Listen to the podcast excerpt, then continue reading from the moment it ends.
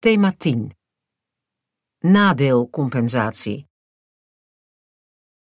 10.1 Nadeelcompensatie in de omgevingswet Nadeelcompensatie gaat over schade die de overheid veroorzaakt door rechtmatige besluiten of rechtmatige handelingen.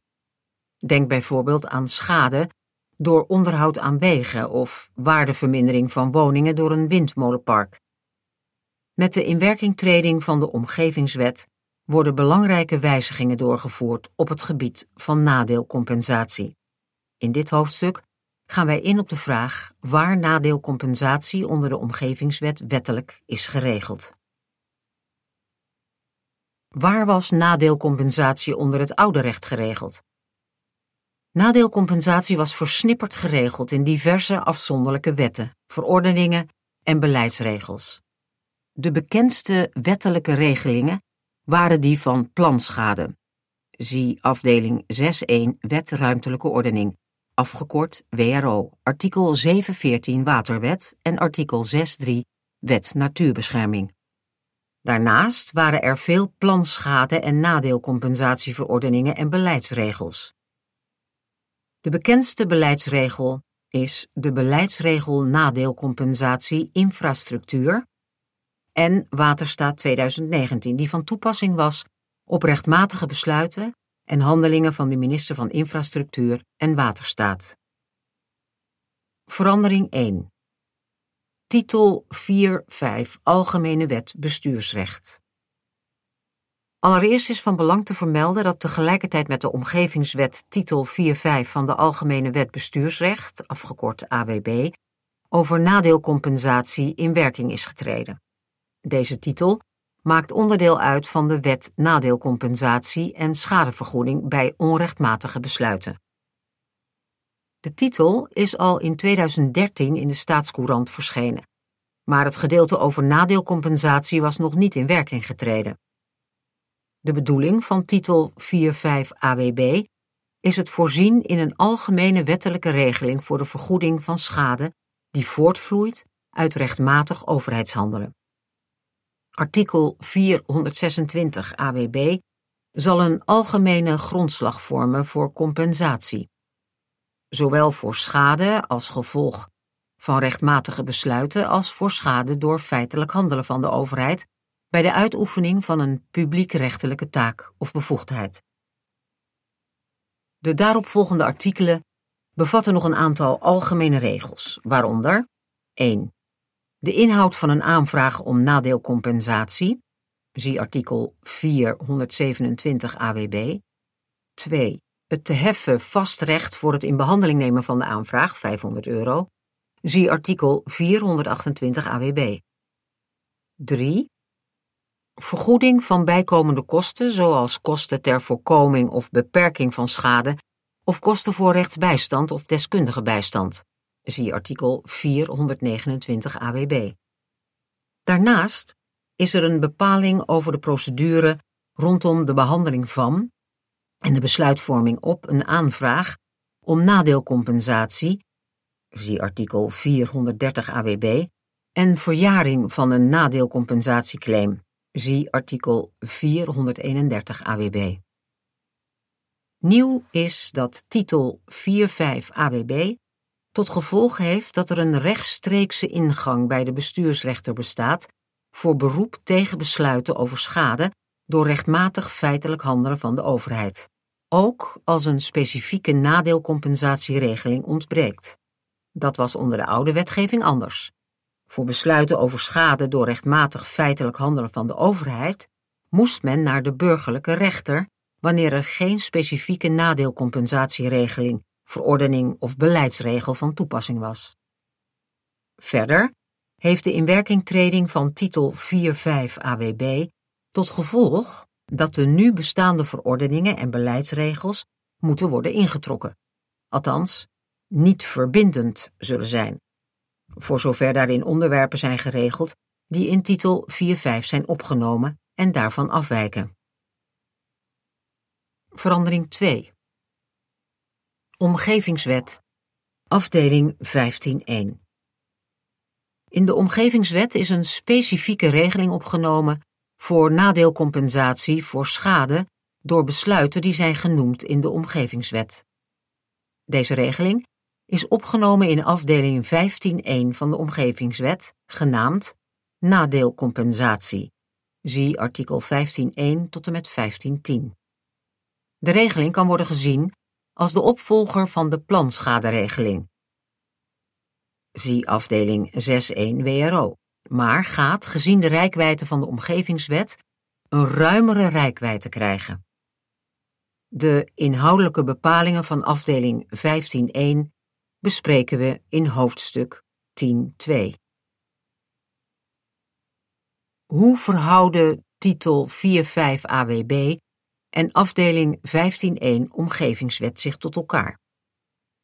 Titel 4.5 van de AWB geldt als algemene wettelijke regeling en is daarom ook van toepassing op aanvragen om nadeelcompensatie voor schade als gevolg van de in artikel 15.1 Omgevingswet genoemde schadeoorzaken.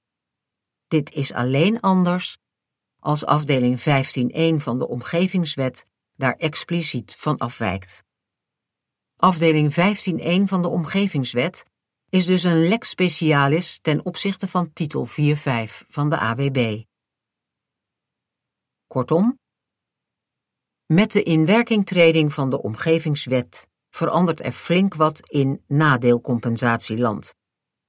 Naast de inwerkingtreding van een algemene wettelijke nadeelcompensatieregeling, zie titel 4.5 van de AWB, is een specifieke regeling in werking getreden die van toepassing is op besluiten onder de omgevingswet. Zie afdeling 15.1 Omgevingswet. Overheden moeten hun planschade en of nadeelcompensatieverordening op de nieuwe wettelijke regeling aanpassen. De materiële regels voor nadeelcompensatie vanwege omgevingsrechtelijke besluiten, de planschadegevallen, zullen de nodige wijzigingen ondergaan. Daarover gaan de volgende hoofdstukken. 10.2 De belangrijkste veranderingen. Omgevingswet afdeling 15.1 is de opvolger van de planschaderegeling uit de WRO.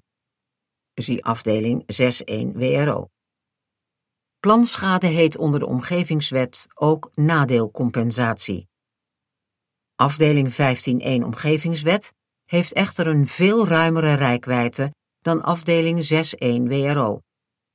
De limitatieve en exclusieve lijst met schade veroorzakende besluiten in artikel 15.1 Omgevingswet is een stuk uitgebreider dan de lijst van artikel 6.1 WRO. Dit is een logisch gevolg van het feit dat de Omgevingswet in zijn geheel een ruimere rijkwijde heeft dan de WRO. De Omgevingswet omvat bijvoorbeeld ook de domeinen water en milieu. De belangrijkste wijzigingen. Het reikt te ver om alle wijzigingen op het gebied van nadeelcompensatie in de omgevingswet te bespreken. Daarom zetten wij de vijf belangrijkste veranderingen voor nadeelcompensatie in de omgevingswet op een rij. 1. Andere schade veroorzakende besluiten. 2. Verschuiving pijlmoment in directe schade. 3. Nadeel wordt bepaald door vergelijking feitelijke situatie. 4. Veranderingen voorzienbaarheid. 5. Het forfait normaal maatschappelijk risico verandert. Ad 1. Andere schade veroorzakende besluiten. Vanwege de ruimere rijkwijde van de omgevingswet zijn er meer en andere schade veroorzakende besluiten. De belangrijke aanvullende schade veroorzakende besluiten onder de omgevingswet zijn maatwerkvoorschriften, binnenplantse omgevingsvergunningen, activiteiten die rechtstreeks zijn toegestaan in een omgevingsplan, regels uit een waterschapsverordening, zoals een pijlbesluit. Ad 2. Verschuiving pijlmoment voor indirecte schade. Onder de omgevingswet geldt als pijlmoment voor de vaststelling van de schade het moment waarop de schade werkelijk optreedt. Het pijlmoment voor het vaststellen van de geleden indirecte schade, de meest voorkomende vorm van planologische schade, is daarom niet langer de datum van inwerkingtreding van het schadeveroorzakende plan of besluit. Onder de omgevingswet wordt de omgevingsvergunning aangemerkt als schadeveroorzakend besluit, dus niet het omgevingsplan, de omgevingsverordening of de waterschapsverordening. Zie artikel 15.1 lid 2 Omgevingswet. De pijldatum voor de bepaling van de indirecte schade verschuift daarom naar de datum waarop het bevoegd gezag kennis heeft gegeven van het besluit tot verlenen of wijzigen van de omgevingsvergunning. Dit is geregeld in artikel 15.3 Omgevingswet. Als de indirecte schade is geleden door een activiteit waarvoor geen omgevingsvergunning is vereist, maar waarvoor een informatie- of meldingsplicht geldt, dan is het pijlmoment de datum waarop degene die de activiteit gaat verrichten aan het bevoegd gezag informatie over die activiteit heeft verstrekt en het bevoegd gezag kennis heeft gegeven van die informatie. Als voor de vergunningvrije activiteit geen informatie- of meldingsplicht geldt, dan geldt als pijlmoment de datum waarop met de activiteit is begonnen. Zie artikel 15.4 Omgevingswet. Deze belangrijke wijziging heeft tot gevolg dat onder de omgevingswet bij indirecte planschade niet al om nadeelcompensatie kan worden verzocht op het moment van wijziging van het planologische regime, maar pas later, namelijk als daadwerkelijk van de wijziging gebruik wordt gemaakt. Het gevolg hiervan is onder andere dat er in de toekomst meer sprake zal zijn van zogenaamde schaduwschade, schade ontstaan door een omgevingsplan die zijn schaduw vooruitwerpt. Zie hoofdstuk 10.3. Ad 3. Verandering van vaststelling.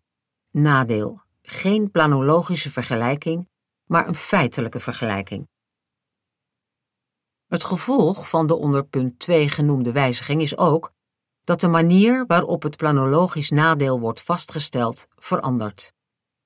De vaststelling van het planologische nadeel bij indirecte schade zal niet langer plaatsvinden aan de hand van een theoretische vergelijking van de maximale planologische mogelijkheden van het nieuwe en het oude regime, maar aan de hand van een feitelijke vergelijking. De oude feitelijke situatie wordt vergeleken met een nieuwe feitelijke situatie. Dit vergt dus ook een andere wijze van taxeren. Ad 4. Actieve en passieve risicoaanvaarding. Voorzienbaarheid. In artikel 426 lid 2 sub A AWB is bepaald dat de schade voor eigen rekening blijft als de aanvrager het risico op het ontstaan van de schade heeft aanvaard. Daarbij kan onderscheid worden gemaakt tussen actieve risicoaanvaarding, voorzienbaarheid, en passieve risicoaanvaarding. Op actieve risicoaanvaarding en de uitzondering daarop in artikel 15.5 Omgevingswet komen we terug in paragraaf 10.3. Passieve risicoaanvaarding betekent dat de eigenaar het risico heeft aanvaard dat bestaande bouw- of gebruiksmogelijkheden op zijn perceel komen te vervallen. Dit wordt ook wel verwijtbaar stilzitten genoemd. Beoordeeld moet worden of de voortekenen van de nadelige planologische wijziging al enige tijd zichtbaar waren en of er voor een redelijk denkend en handelende eigenaar aanleiding bestond om rekening te houden met de kans dat de planologische situatie ter plaatse zou gaan veranderen in voor hem ongunstige zin. Daarbij wordt gekeken of er openbaar gemaakte concrete beleidsvoornemens waren waaruit de ongunstige planologische wijziging kan worden afgeleid. Artikel 15.6 Omgevingswet bevat specifieke eisen wanneer aan een eigenaar passieve risicoaanvaarding kan worden tegengeworpen. Bij schade die wordt veroorzaakt door de wijziging van regels in een omgevingsplan of omgevingsverordening, waardoor bepaalde activiteiten niet meer zijn toegestaan. In dit artikel is uitgewerkt hoe lang de eigenaar moet hebben stilgezeten voor en tijdens de totstandkoming van de ongunstige planologische wijziging, voordat er sprake is van passieve risicoaanvaarding. Ad 5. Het forfait voor het normaal maatschappelijk risico. Het forfait, de drempel, voor het normaal maatschappelijk risico, afgekort NMR, wijzigt onder de omgevingswet. Binnen het normaal maatschappelijk risico vallende schade blijft voor eigen risico van de aanvrager. Bij indirecte schade in de vorm van waardevermindering van een onroerende zaak wordt een vast forfait van 4% ingevoerd. Dit betekent dat 4% van de waarde van de onroerende zaak onmiddellijk voor het ontstaan van de schade voor eigen rekening blijft als binnen het normaal maatschappelijk risico vallende schade. Zie artikel 15.7 Omgevingswet. Dit is een vast forfait en geen minimum forfait.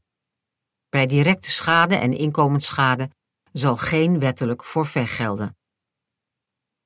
Onder de WRO geldt bij indirecte schade in de vorm van waardevermindering van een onroerende zaak een minimum forfait van 2%. De omgevingswet brengt dus een behoorlijke vaste verhoging van dit forfait van 2 naar 4% met zich mee. Voor directe schade geldt onder de WRO al geen wettelijk forfait, hetgeen in de omgevingswet niet verandert. Voor inkomensderving geldt in de WRO een minimum forfait van 2% van het jaarinkomen. Dit minimum forfait verdwijnt dus onder de omgevingswet. Het vaste forfait van 4% voor indirecte schade in de vorm van waardevermindering heeft tot gevolg dat er in de toekomst minder nadeelcompensatie zal worden uitgekeerd. De geleden schade zal immers relatief vaker onder dit forfait en dus voor eigen rekening blijven. Ook zullen de in de bestaande praktijk en jurisprudentie gevoerde discussies over de vraag of een ontwikkeling al dan niet als normaal kan worden beschouwd, CQ of die normale ontwikkeling wel of niet binnen de lijn der verwachting ligt, bij dit type schade tot het verleden behoren. Kortom, bovengenoemde wijzigingen hebben met name gevolgen voor de huidige indirecte planschadezaken. De inhoudelijke behandeling van deze zaken wijzigt op een aantal punten behoorlijk. Overheden en de door hen in te schakelen planschadeadviseurs moeten daarmee rekening houden bij de besluitvorming en advisering. Bovendien wordt er relatief minder vaak een vergoeding uitgekeerd in verband met het vaste forfait van 4% voor indirecte schade in de vorm van waardevermindering van een onroerende zaak. Verzoekers om nadeelcompensatie moeten er rekening mee houden dat de schade die onder de verhoogde vaste drempel valt, voor eigen rekening blijft. Hetzelfde geldt, in de meeste gevallen, voor zogenaamde schaduwschade. Tot slot is er onder de omgevingswet minder discussie mogelijk over de hoogte van het normaal maatschappelijk risico, gelet op het feit dat sprake zal zijn van een vast forfait in plaats van een minimum forfait.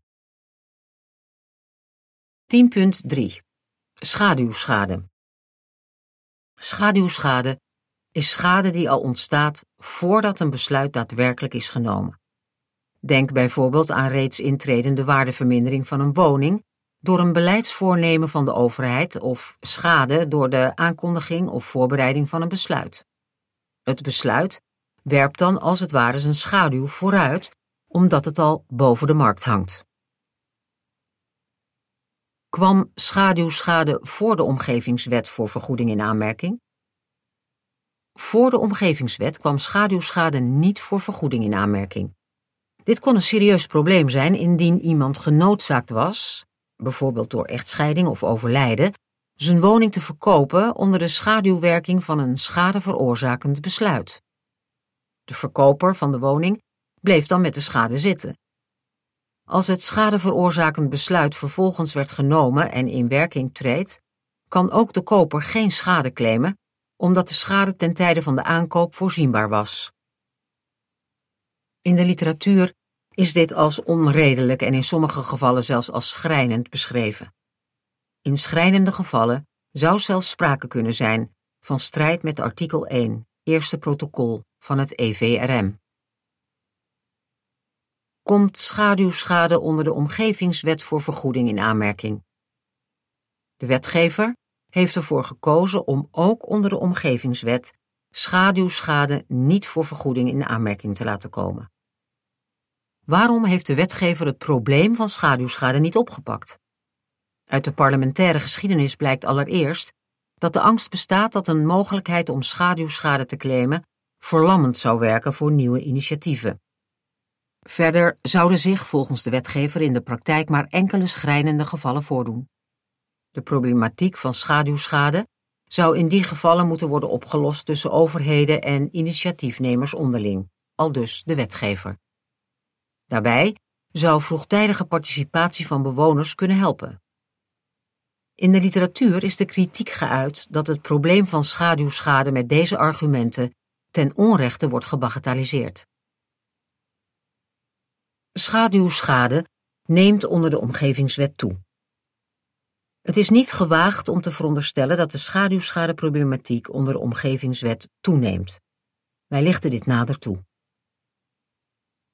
Eerder beschreven wij als een van de belangrijkste wijzigingen dat het pijlmoment voor het vaststellen van indirecte schade in de vorm van waardevermindering van een onroerende zaak, de meest voorkomende vorm van schade waarbij de schadeoorzaak zich niet op het eigen perceel voordoet, niet langer de datum van inwerkingtreding van het schadeveroorzakende plan of besluit is.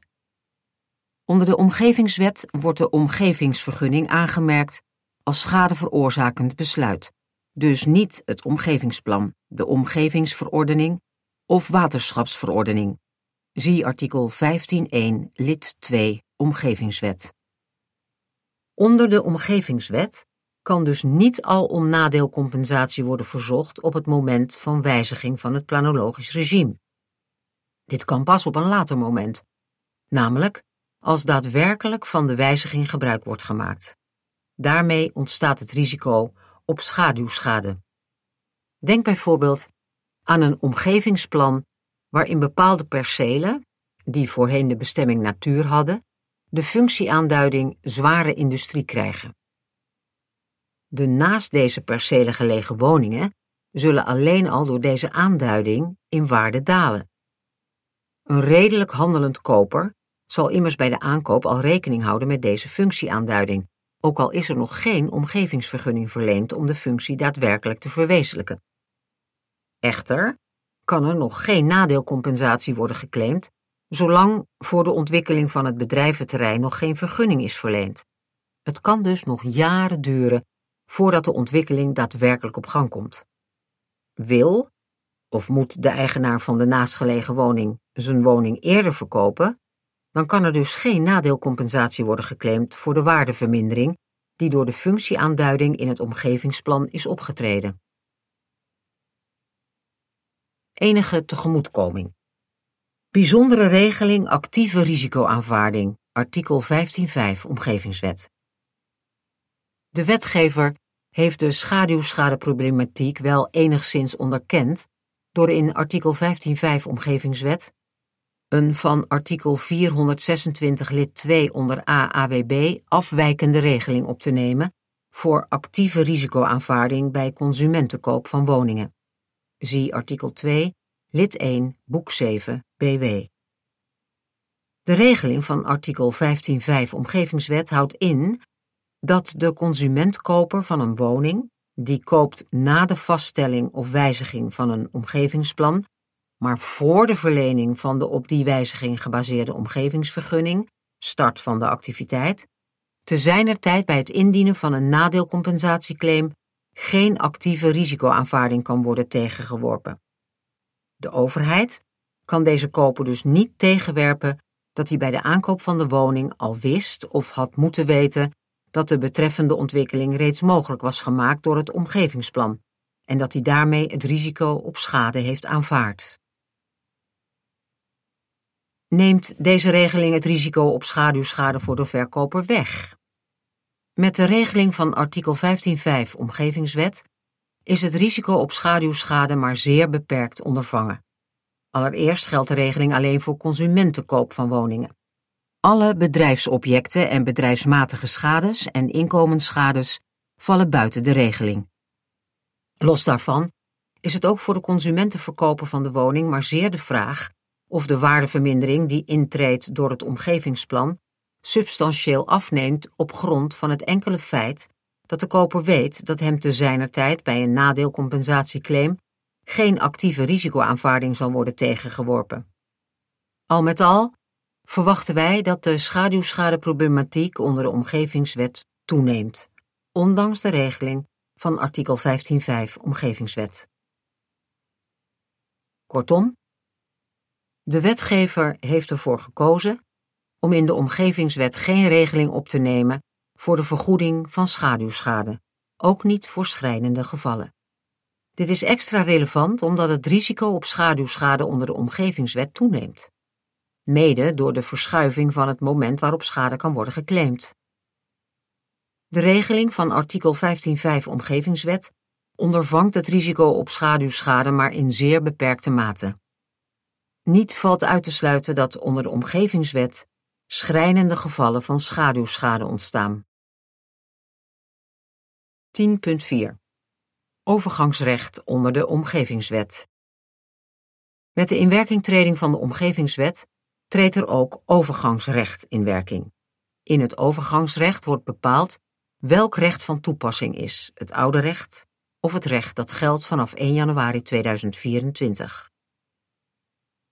Het overgangsrecht voor nadeelcompensatie is op twee plekken geregeld. Artikel 4 Wet nadeelcompensatie en schadevergoeding bij onrechtmatige besluiten, afgekort WNS, bevat het algemene overgangsrecht voor nadeelcompensatie voor andere schadeoorzaken dan die genoemd zijn in de Omgevingswet.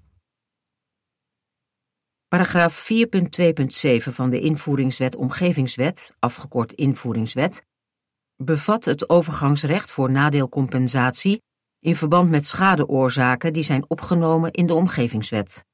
Daaronder vallen onder andere de huidige planschadegevallen. Overgangsrecht voor algemene nadeelcompensatiezaken. Zie titel 4.5 AWB. In de WNS is het overgangsrecht opgenomen voor nadeelcompensatiezaken op grond van titel 4.5 AWB. Dit gaat om nadeelcompensatie als gevolg van andere schadeoorzaken dan die genoemd zijn in de Omgevingswet. Het overgangsrecht voor deze algemene nadeelcompensatiezaken is opgenomen in artikel 4 WNS. In artikel 4 WNS is het volgende bepaald. Op schade die is veroorzaakt door een besluit dat werd bekendgemaakt of een handeling die werd verricht voor inwerkingtreding van de WNS, blijft het oude recht van toepassing. Op schade die is veroorzaakt door een handeling ter uitvoering van een besluit dat werd bekendgemaakt voor inwerkingtreding van de WNS, blijft het oude recht van toepassing. Als het eerste besluit tot uitvoering van een activiteit is genomen voor inwerkingtreding van de WNS, dan blijft het oude recht ook van toepassing op schade door latere besluiten of handelingen ter uitvoering van dezelfde activiteit. De omgevingswet geldt dus alleen voor de nieuwe gevallen. Het tijdstip waarop het schadeveroorzakende besluit bekend is gemaakt of de schadeveroorzakende handeling is verricht, voor of na inwerkingtreding van de WNS, is bepalend voor de vraag of het oude of nieuwe recht van toepassing is. Overgangsrecht voor nadeelcompensatie in de Omgevingswet. Planschade en andere. In paragraaf 427 van de Invoeringswet zijn de overgangsbepalingen voor nadeelcompensatie opgenomen. De hoofdlijnen van het overgangsrecht zijn als volgt. Op schade die is veroorzaakt door een tracébesluit dat is vastgesteld voor de inwerkingtreding van de Omgevingswet, blijft het oude recht van toepassing tot vijf jaar na inwerkingtreding van de Omgevingswet. Zie artikel 418 lid 1 onder D Invoeringswet. Op schade die is veroorzaakt door een tracébesluit dat als ontwerp ter inzage is gelegd voor inwerkingtreding van de Omgevingswet, blijft het oude recht van toepassing tot vijf jaar nadat het tracébesluit is vastgesteld. Zie artikel 418 lid 2 onder B Invoeringswet. Dat kan dus later zijn dan vijf jaar na inwerkingtreding van de Omgevingswet. Op schade die is veroorzaakt door een bestemmingsplan dat van kracht wordt, of een afwijkingsvergunning die onherroepelijk wordt voor inwerkingtreding van de omgevingswet, blijft het oude recht van toepassing tot vijf jaar na inwerkingtreding van de omgevingswet. Zie artikel 418 lid 1 onder C en 419 lid 1 invoeringswet. Op schade die is veroorzaakt door een bestemmingsplan dat als ontwerp ter inzage is gelegd voor inwerkingtreding van de omgevingswet, blijft het oude recht van toepassing tot vijf jaar na van kracht worden van het bestemmingsplan. Zie artikel 419 lid 2 invoeringswet. Op schade die is veroorzaakt door een afwijkingsvergunning die is aangevraagd voor inwerkingtreding van de omgevingswet en die onherroepelijk wordt na inwerkingtreding van de omgevingswet, blijft het oude recht van toepassing tot vijf jaar na vaststelling van het besluit. Zie artikel 418, lid 2, invoeringswet. Op schade die is veroorzaakt door de uitoefening van een taak of bevoegdheid als bedoeld in artikel 714 lid 1 Waterwet voor de inwerkingtreding van de omgevingswet, blijft het oude recht van toepassing tot vijf jaar nadat de schade zich heeft geopenbaard, of de benadeelde redelijkerwijs op de hoogte had kunnen zijn van de schade, maar in ieder geval binnen 20 jaar na de schade veroorzakende gebeurtenis. Zie artikel 421 invoeringswet. Tijdelijk deel omgevingsplan. Opnieuw indienen schadeclaim mogelijk? Bij de inwerkingtreding van de omgevingswet is het geldende planologische kader van rechtswegen onderdeel van het tijdelijke deel van het omgevingsplan. Dit betekent dat onder andere bestaande bestemmingsplannen, inpassingsplannen en beheersverordeningen automatisch zijn aangemerkt als tijdelijk deel van een omgevingsplan. Zie artikel 22.1 Omgevingswet Juncto 46 lid 1 Invoeringswet. We verwijzen op dit punt naar de hoofdstukken onder het thema Omgevingsplan. In artikel 22.13 Omgevingswet is bepaald dat een reguliere omgevingsvergunning die wordt verleend op grond van een regel in het tijdelijk deel van een omgevingsplan niet als schadeveroorzakend besluit wordt aangemerkt. Dit heeft te maken met het feit dat in artikel 15 lid 2 Omgevingswet is bepaald dat als voor een activiteit op grond van een regel in een omgevingsplan een omgevingsvergunning is vereist, niet het omgevingsplan, maar de omgevingsvergunning het schadeveroorzakende besluit is. Hiermee wordt ook het moment dat om nadeelcompensatie kan worden verzocht, verschoven van de vaststelling van het omgevingsplan naar het moment dat de omgevingsvergunning wordt verleend. Gevolg van de aanwijzing van de omgevingsvergunning als schadeoorzaak, in combinatie met het overgangsrecht, is dat een benadeelde twee keer de mogelijkheid zou krijgen om nadeelcompensatie te vragen voor dezelfde schadeoorzaak. Voor de inwerkingtreding van de omgevingswet was het bestemmingsplan het schadeveroorzakend besluit waarvoor schade kon worden geclaimd. Na de inwerkingtreding van de omgevingswet is het bestemmingsplan onderdeel van het tijdelijk deel van het omgevingsplan en vormt de reguliere omgevingsvergunning, die op basis van dit tijdelijk deel wordt verleend, opnieuw een schadeveroorzakend besluit. Dit betekent dat voor dezelfde schade en schadeoorzaak op twee momenten nadeelcompensatie zou kunnen worden geclaimd. Om dat te voorkomen is artikel 2213 Omgevingswet in het leven geroepen.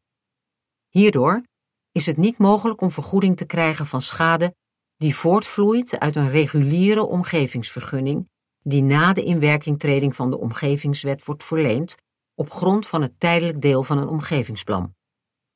In een dergelijk geval is het oorspronkelijke, in het tijdelijk deel overgenomen bestemmingsplan de schadeoorzaak. Nu het bestemmingsplan reeds voor de inwerkingtreding van de omgevingswet van kracht is geworden, blijft het oude recht van toepassing tot vijf jaar na inwerkingtreding van de omgevingswet.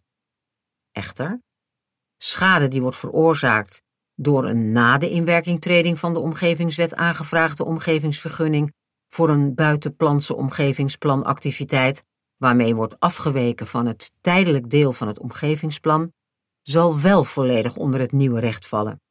Dit betreft immers een geheel nieuwe schadeoorzaak die na de inwerkingtreding van de omgevingswet is ontstaan. Kortom, het overgangsrecht in de AWB houdt in dat als een schadeveroorzakend besluit is bekendgemaakt of een schadeveroorzakende handeling is verricht voor inwerkingtreding van de omgevingswet, het oude recht van toepassing blijft. In andere gevallen is het nieuwe recht van toepassing. Hoofdregel van het overgangsrecht in de omgevingswet is dat het oude recht nog maximaal vijf jaar geldt na inwerkingtreding van de omgevingswet. Die termijn is wat langer als de procedure voor het schadeveroorzakend besluit al voor de inwerkingtreding van de omgevingswet is gestart, maar het besluit nog niet onherroepelijk is of van kracht is geworden op het moment van inwerkingtreding van de omgevingswet.